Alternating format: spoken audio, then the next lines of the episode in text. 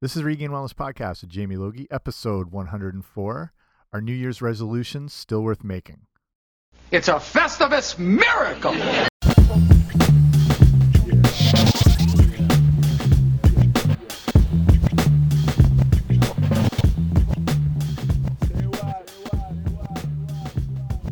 Hey guys, what's happening? Welcome back to the podcast. I'm Jamie Logie at runregainwellness.com, and this is Regained Wellness Podcast. And thank you for joining me here today. Happy New Year, all that good stuff. I missed Festivus in the last episode I did. It was before December 23rd, the official day of Festivus. But hope you had a good New Year. And if you're new here, welcome. Thank you for checking this out. I got a whole bunch of other shows if you're looking for good nutrition and health and fitness tips to get you going. Um, just make sure you subscribe on iTunes. Actually, anywhere you would get a podcast, I'm basically there. Um, Stitcher Radio, iHeartRadio, all those places, um, Google Play, everything, I think. So wherever, but iTunes is the go to. So go for that. So for this show today, um, it's I'm gonna just be talking about you know if there's any validity to setting New Year's resolutions, and actually, besides my um, thought process, there's a bunch of tips I'll give as well too for I think good quick go tos that can get you started if you're new to health or if you just need like a refresher. Um, so I'll cover a few different things. So hope, I think you'll get some good takeaways from this. Okay, here we go.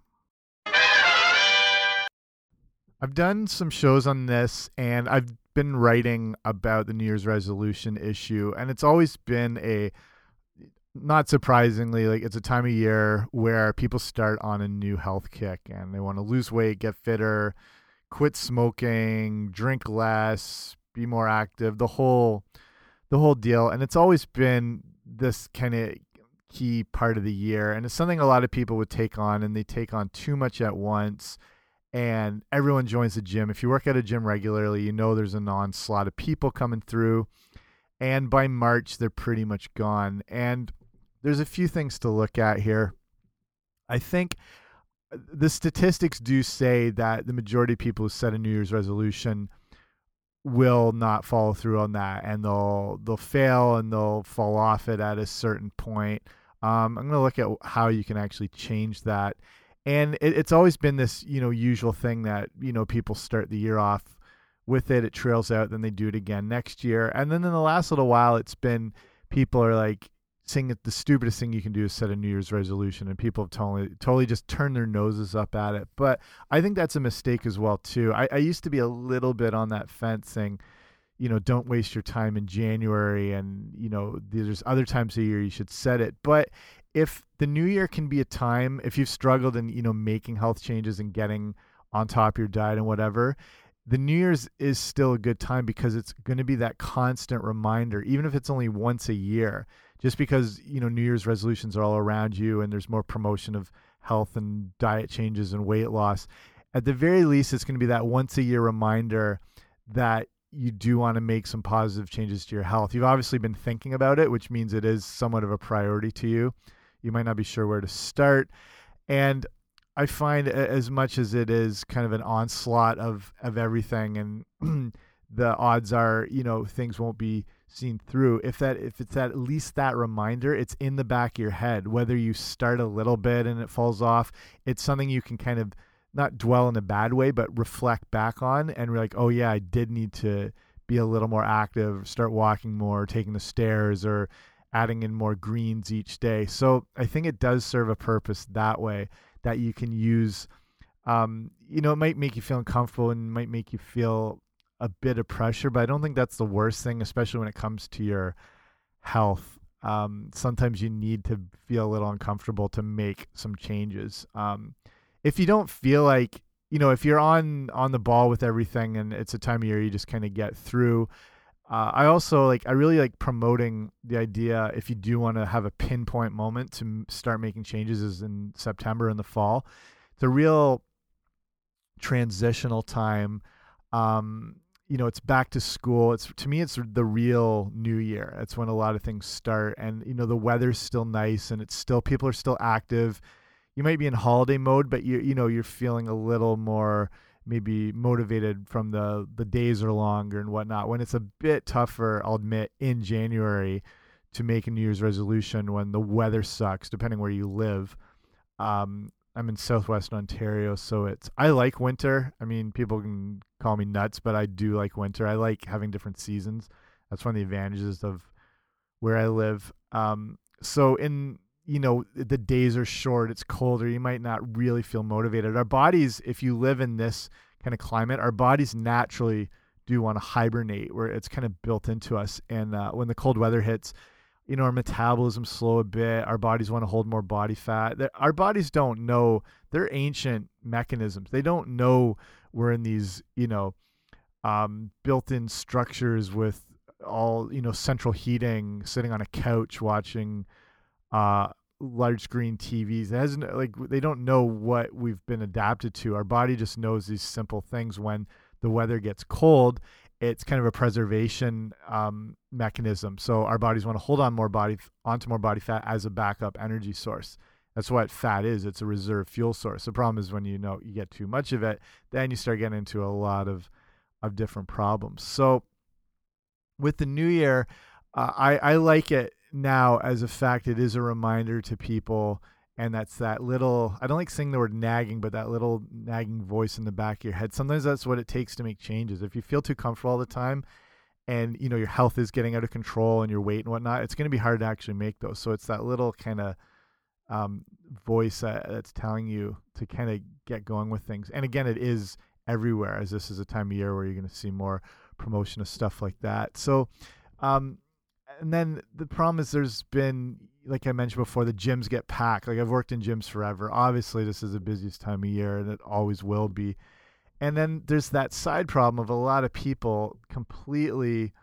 I, I see this all the time. You know, the the gyms are are busier, and then you've got these regular members who are completely snarking out and just dismissing all these new people and criticizing them or I don't know, mumbling under their breath or giving them a hard time because they're taking a little while trying to figure out a machine, which is just idiotic. If you're one of those people, stop being a d bag. These people are trying to make some, you know, changes in their lives and their health. They're coming in the gym, and that's the environment they're walking into. Pretty ridiculous. And remember back to when you first started in the gym, and you probably didn't feel the most comfortable, and you didn't know where to go or what to do. Um, so give these people a little bit of a break. You know, help them out. You know, it might actually might be new friends. It might be a new community of people you can get in touch with, and you can I don't know share what you know and share it with other people. That that's probably a really good gift if you've built up a lot of knowledge and you're like here's what works for me and you can pass that on and then you know that will continue down the line if you're brand new if you're starting in a gym like if you got a gym membership for christmas or you're starting off and there's you know new gym promotions and whatnot, check out. I mean, most good gyms worth their weight um, will have introductory sessions. Either they'll either call it a orientation or they'll do, you know, free personal training for a session or two, and do take advantage of those. And if they don't promote it, it is something they should have offered. Again, if it's a, a worthwhile gym, they'll have at least one orientation session, ideally three to kind of ease you into things, get you, you know, familiar with some of the equipment. So for whatever reason, if that's not offered, just ask about it. They're obviously always going to try and push personal training and try and sell their packages, which is fine. A lot of those are extremely worthwhile. But um, this time of year, it should, or just look for a gym that would offer those um, orientation introductory sessions show you through. They'll show you, you know, cardio machines, how to use them, how to set them up, how to, you know, figure out your heart rate, maybe where you should be. They'll maybe, I mean, I think they should. Um, for gyms I've worked at anyway, they should set uh, get you set up on a, a simple, um, you know, strength training program. Program. Ideally, you know, some machines that are are simple to use. You can learn to to feel how your muscles work, and there's things you can progress on, and they'll target some key body parts and stuff like that. And again, if this is a good gym as well, um, they shouldn't be giving you too much all at once and not to make you feel overwhelmed. If they give you a uh, you know one session and it's just all the information that would be should be spread out over months, um, that might not be the best for you. So if you are checking out gyms or if if it is one, just that that's a sign that they're they have your interests um, at heart. That they'll give you something that's going to not overwhelm you. Um, it's going to be simple. It's ideally going to leave you wanting more. You might feel like, oh, I got to be doing way much more of this. I, I, should be, you know, beat to crap by the end of the first workout, which is the complete opposite of what you want to be doing if you're new in a gym. You want you want to leave the in any capacity. You want to leave the gym wanting more. You kind of want to.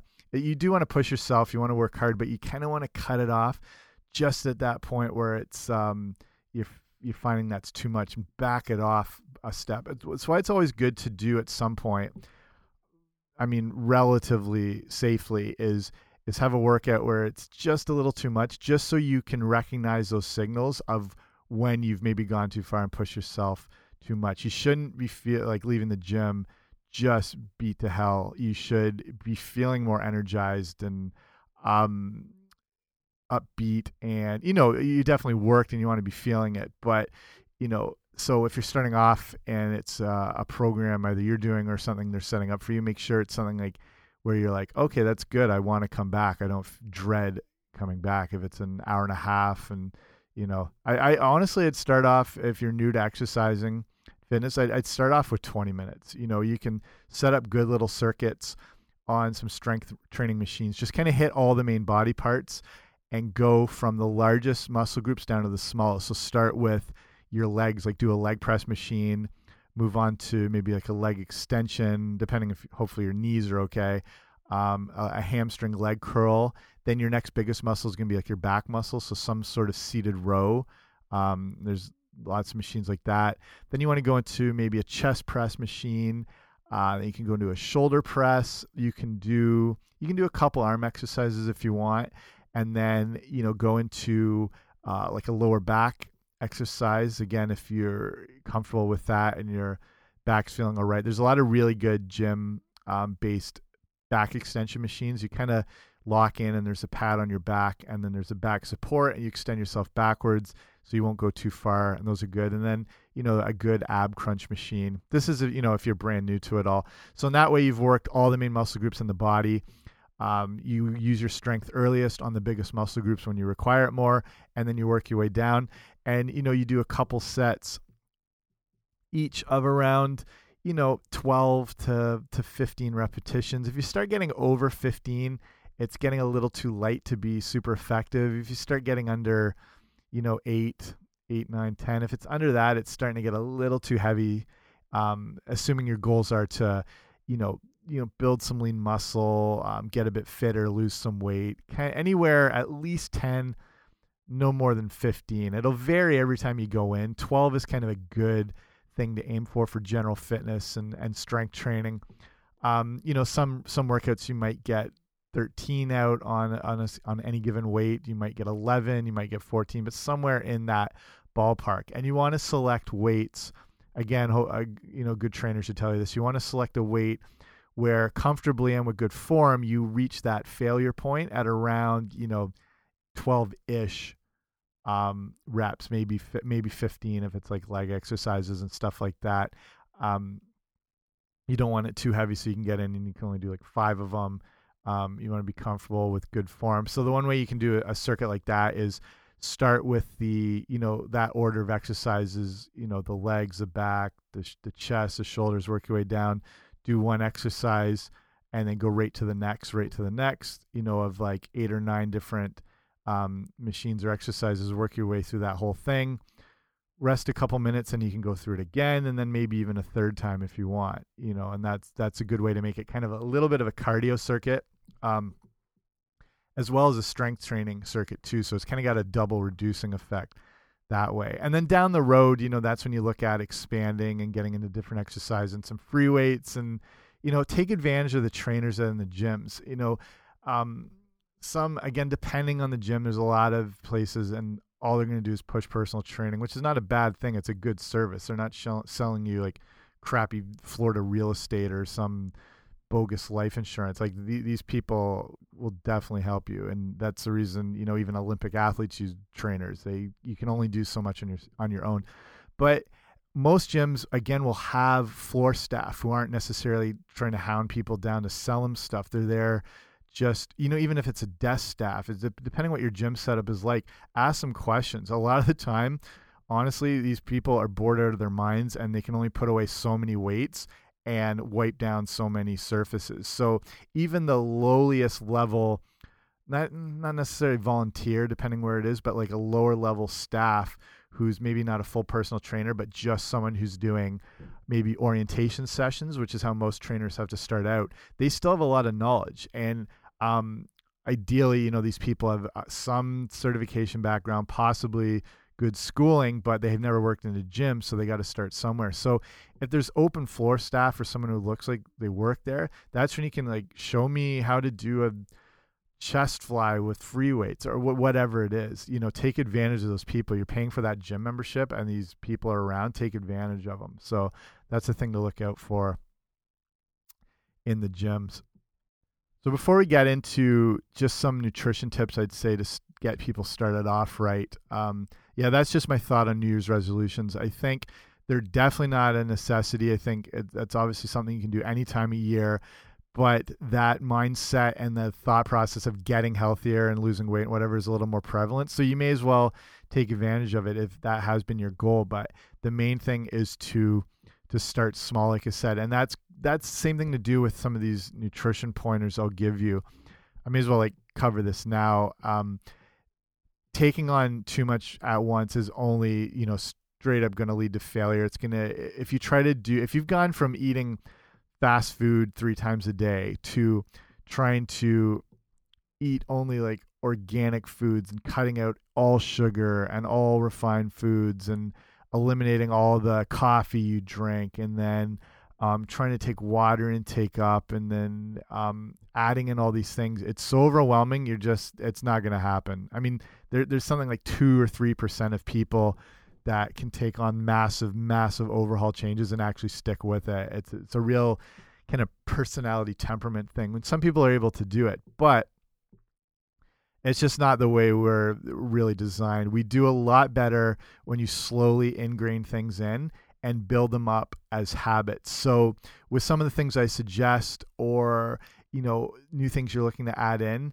before you you know do five or six things at once get good at one thing and get used to that and let that become a daily habit and do it like the first one i'm going to say for example is starting the day off with a good large glass or two of water with some lemon squeezed in it so in this situation, most people, you know, you haven't drank any water through the night, you're dehydrated, and you wake up.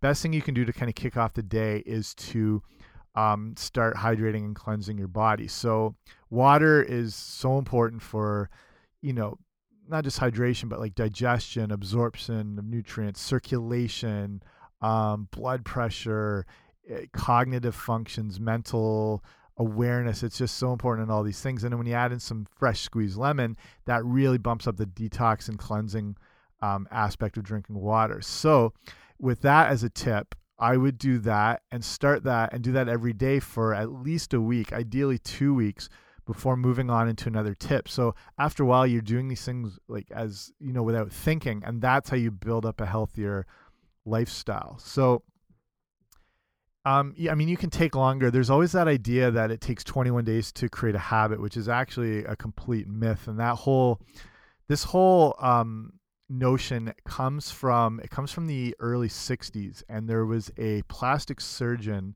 I forget the guy's name, um, in Beverly Hills, and he was looking at um, when he was doing, you know, whatever facial augmentations and changes in people's faces they obviously have this new face and every time they would look in the mirror it would still catch them off guard because they're not looking at who they were. They're looking at this new person.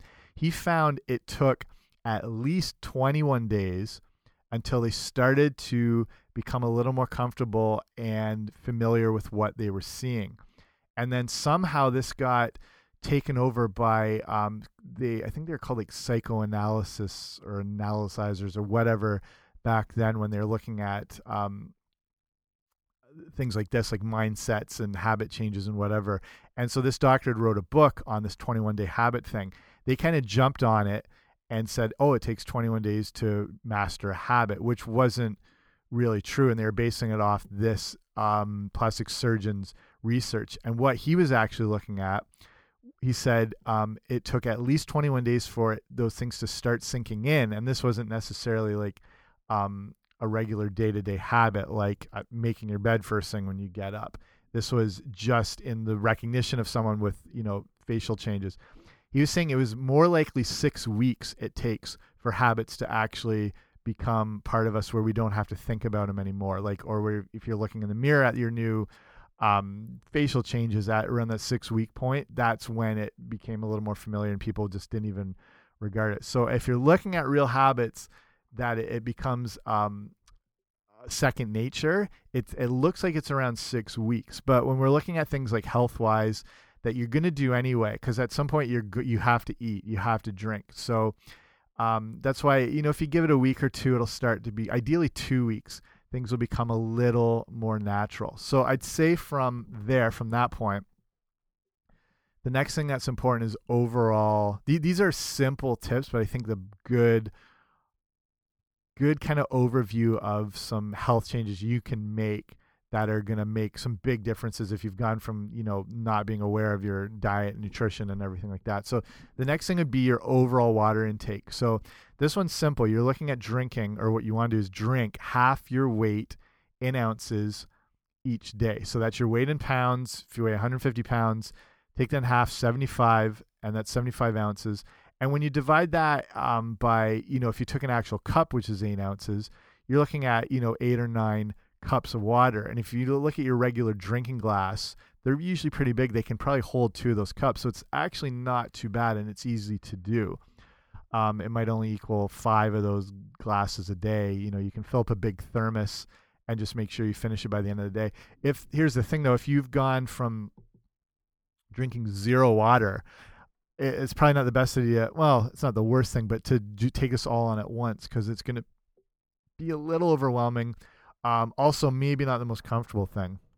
So I would add, you know, just a glass a day. I mean, for a couple days, then have two a day for a couple days and three, and then get yourself up there. And then, you know, if you're drinking those couple, at least one large one first thing in the morning, you're kind of on your way to that anyway. So those two sort of go hand in hand.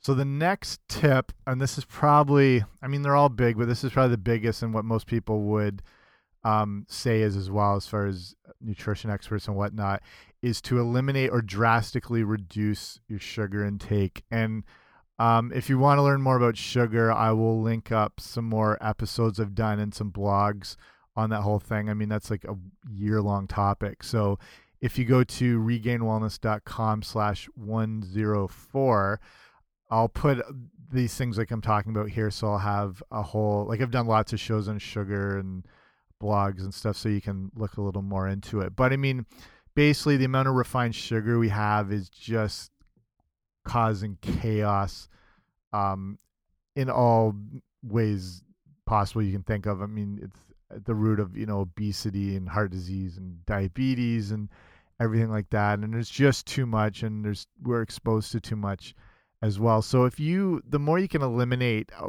you know refined foods and products, the more you know you're getting away from that. The biggest tip is probably you know make sure you're not at least drinking um, sugar through your uh, calorie intake, like soft drinks, pop soda, whatever you want to call it, fruit juices, sports drinks, whatnot. I mean, drinking liquid sugar is just you know setting yourself up for disaster. You're spiking your blood sugar, your um, you know, and a lot of these things use the worst form of sugar, which would be high fructose corn syrup. Again, like listen to my other shows on this if you want to learn why that stuff is so bad. Um, so if you can eliminate drinking sugar and the calories, that's awesome start. And then you can look at you know eliminating the added sugar in your diet. Get at least get your sugar from natural sources like fruit. Um, and when you're going for fruit, ideally you know, berries, blueberries, blackberries, raspberries, strawberries, uh, citrus fruits. Those are your best bets. You know, even you know, green apples. A lot of fruits very sugary, um, but at least it is natural sugar. Uh, the problem is when you drink it in the juice form, there's no natural fiber or roughage to slow the absorption of it. It's just instant. It's like rocket fuel in your body. So try and get your sugar from those sources and try to I mean, it's impossible to completely eliminate it, but drastically reduce, and uh, that'll really help you out. Next thing is, I'd say, is a very important, and again, a lot of people I've interviewed on the show will say the same thing: is to eliminate vegetable oils. So, vegetable or seed oils from vegetable oil, soybean oil, canola oil, cottonseed oil, all that stuff. Like basically whatever they'd use in a commercial, say salad dressing, um, unless it's an olive oil based one. But the regular salad dressings or, or oils you cook with, those crappy refined oils, um, brutal again. They, cause inflammation in the body. And think of inflammation like, you know, if you cut your finger, if you get a sliver, how it gets red and, and swollen that's inflammation happening. The same thing happens internally, but you don't necessarily see or feel it till it's too late. And you know, inflammation is seen as being at kind of the root of all diseases. Um, and these, among a lot of other things, refined oils have a real um, issue causing that. So, oil wise, you want to switch over, uh, whether you're cooking or sauteing or salad dressing, use olive oil, ideally extra virgin olive oil. Uh, coconut oil is amazing. Coconut oil will be the best to cook with. It has a higher what they call smoke point, where it can take a higher temperature. When when oil starts to smoke, get rid of it. I mean, be careful how you get rid of it, but get rid of it. You basically, when it's got to that point, it starts to break down and become rancid, and then it's even worse than it was to start with. Especially, you know, oils or margarines that are are trans fat based when they're super heated. It's I mean, that's some of the worst stuff in the world. That's what's you know fat's been looked at and demonized all forms of fat for you know heart disease and clogging arteries when it's really these trans fats these inferior oils and that turn into sludge basically in your arteries. But when you're looking at you know natural forms um, cleaner higher natural omega-3s and 6s um, and again like the coconut oil better for cooking because it can withstand higher heats. You shouldn't be cooking at super high heat anyway keep things more low and, and slow and coconut oil is perfect to cook with. Also things like avocado oil is is really good alternative to those things. So it's easy to make your own salad dressing. This is what i do. I just take olive oil i'll take a bit of balsamic or maybe red wine vinegar and just whisk them together pour that over and it's a thousand times better than any commercial salad dressing if you ask me. Um so the next thing i would say after that and this is another um very critical thing I think most people should be doing is replacing grains with greens. So we eat way too many grains than we need unless you're a high highly active person, athlete, um, who's can make better use of that energy.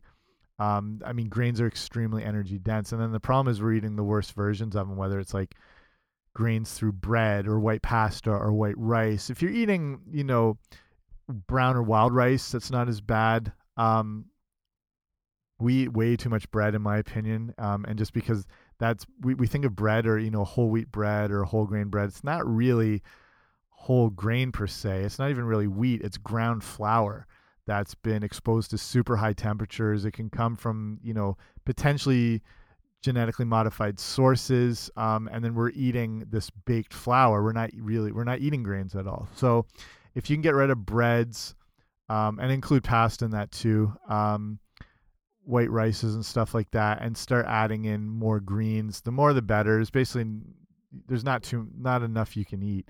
You should be looking for double digit servings of um, vegetables, ideally green leafy. The darker green, the better. That just means that there's a there's more there's it's denser, you know, chlorophyll wise, and that's where all the phytonutrients are and minerals and stuff like that. So if you take those crappy iceberg lettuces, you know, those you buy in those little mixed packs and most of the lettuce is white, it's basically you may as well have a glass of water. That's pretty much all you're consuming. The greens should be as dark as possible. All the vegetables should be whatever you eat. If it's purple or red, should be the deepest colors of those versions you can find. So um, dark leafy green vegetables and add those in instead of um, your passes. I mean, have them here or there, but don't base your diet around it unless you're extremely active because all that energy is not being used.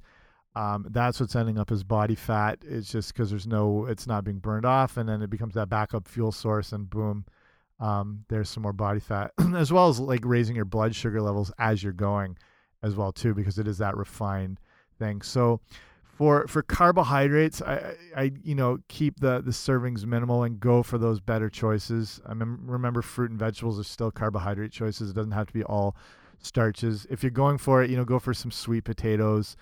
Um, like I said, brown or wild rice. Um, those are some good go tos there. Okay, I think I'll cut it off there because the same thing. I don't want to. I mean, I could load this thing up with 12, 15 different points to start with. Um, and I don't want to do that and overwhelm you know you at the same time. So those are some good pointers like the water in the morning, water overall, um, getting rid of vegetable oils, reducing your sugar, replacing grains with greens. I think those are a good place to start. Like I said, if you're new here or if you've only been listening for a little while, I've got over a hundred shows that cover all these different topics. So I'm confident you will find every issue so far covered by not just me, but by a lot of expert nutrition um, authors I've had in who are, you know, New York Times bestsellers and go on, you know, Good Morning America and Dr. Oz, all that stuff. I've had a lot of them on here. So you'll find more information. Like I said, as well, if you're listening to this and you have access to an internet device, just go to regainedwellness.com slash 104 And in the show notes, so that's where I just, show notes are where I link up everything to do with the episode. I'll have more links to more of those shows I've done or blogs on all these different subjects like sugar, trans fats, carbohydrates, the whole deal. So there'd be a lot just there to get you started just on regainedwellness.com slash 104. And while you're there at the website, make sure to sign up for the email newsletter because that's a good way to kept, be kept up to date with what's um, whatever I got going on, like new shows or info. And a lot of stuff I only share basically through email. Um, that's the advantage of signing up. And when you do sign up, um, you get started with a free ebook I put out um, for everyone who signs up, and it's basically it's a healthy eating starter kit. So it's got more information on foods you want to be including in your diet and why. So like some of these things I talked about, and the things you want to be avoiding, and more detail into why you want to be avoiding it too. So I get that book because it's free. I want you know people to get this information, and then you're part of the um, email newsletter, so you're always up to date with things and going on. So I would do that. So it's you can sign up on the whoa on the website. So or you can go to regainedwellness.com slash guide and it takes you right there where you just put in your email address. But there's sign up forms all over the website too. But regainedwellness.com slash guide and that'll just take you immediately to sign up and then that ebook magically gets sent you through the interwebs and you're off and rolling. So okay, that's enough there. I'll cut it off. Um, I'll talk to you soon. Thanks for listening. I know there's a lot of info out there, a lot of podcasts. So thank you for listening to this one. Appreciate that. And again, make sure you subscribe on iTunes so you get the shows automatically delivered. You don't have to worry about checking in on them. And if you did like it, you know, share it with whoever, leave a rating and review. That helps as well too, because then more people get exposed to the show. Okay, that's a lot of instructions I've given you. Apologize, but hopefully it's all things that'll be for the best and help you out. So I will talk to you later. Bye.